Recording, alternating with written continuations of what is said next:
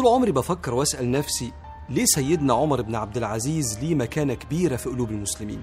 سواء علمائهم الكبار أو حتى بسطاء الناس. وتتألف كتب كتيرة عن سيرته وشخصيته وتتعمل دراما بقصة حياته وربنا خلت ذكره عند الجميع. فقرأت سيرة سيدنا عمر بن عبد العزيز وقعدت أتأمل. لقيتهم بيعرفوه كده الإمام الحافظ العلامة المجتهد الزاهد العابد أمير المؤمنين عمر بن عبد العزيز. ده تعريفه في كتب العلماء. اتولد في مصر سنة 63 هجريا في حلوان. هو ابن حفيدة سيدنا عمر بن الخطاب وكان والي على المدينة سنة 86 هجريا.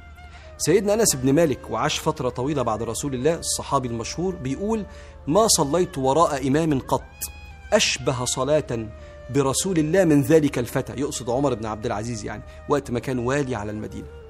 سفيان الثوري العالم الضخم العظيم كان بيقول كان العلماء مع عمر بن عبد العزيز تلامذة. ويشهد لي الإمام أحمد إنه مجدد الأمة في المئة الأولى. شايف كل العظمة في العلم وشهود الصحابة ليه إنه إمام عظيم؟ السر ورا الموضوع ده فيما فهمت أنا يعني المكانة الكبيرة دي كان وراه تواضع. تواضع غريب في كل مناحي حياته. أول ما بقى خليفة على المسلمين وكان ملكه بيحكم أكتر من نصف العالم راح لواحد صاحبه اسمه عمرو بن مهاجر وقال له يا عمرو لو رأيتني قد ملت عن الحق فخذ بتلباب امسكني كده من يأة القميص وهزني وقل لي يا عمر ما تصنع. مرة شاف ابنه بعد ما بقى الخليفة بقى فشاف ابنه اشترى خاتم الفص بتاعه بألف درهم فبعت له قال عزيمة مني إليك يعني بحلفك أن تبيع هذا الفص وأن تشتري خاتما بدرهم مكتوبا عليه رحم الله امرأ عرف قدر نفسه. خلينا إيه مهما ربنا على شأننا في الدنيا بسطاء بسطاء الحالة. حتى مع أصحابه القدام. كان مرة واحد صاحبه اسمه رجاء بن حيوة عنده سهران في البيت بالليل. قال فاعتل السراج. انت قاعد مع الملك.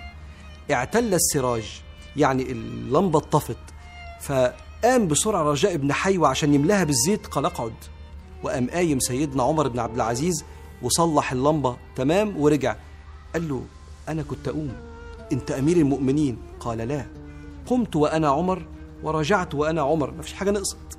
وإن من لؤم الرجل أن يستخدم ضيفه. أنت ضيف عندي مش هشغلك. شايف التواضع. ورغم إن هو كان عابد ذاكر مصلي بكاء إلا إن كانت دعوته الشهيرة بص بيقول إيه؟ بص شايف نفسه إزاي مع الله؟ اللهم إن لم أكن أهلا أن أبلغ رحمتك فإن رحمتك أهل أن تبلغني فرحمتك وسعت كل شيء وأنا شيء فلتسعني رحمتك يا أرحم الراحمين. هو مش شايف نفسه أهلا لأي شيء لكن أنت يا ربنا كل شيء. ارحمني يا رب. فهمت ساعتها حديث الرسول عليه الصلاة والسلام من تواضع لله رفعه. وده اللي يفسر كانت خاتمته عاملة إزاي هذا الإمام العظيم المتواضع. خاتمته وهو على فراش الموت كان بيقرأ الآية دي تلك الدار الآخرة نجعلها للذين لا يريدون علوا في الأرض ولا فسادا.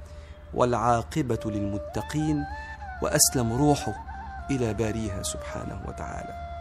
سر العظمة التواضع. فاللهم اجعلنا ممن تواضعنا لعظمتك ولم نتكبر بنعمتك على خلقك واجعلنا ممن رحم المحتاج والمسكين.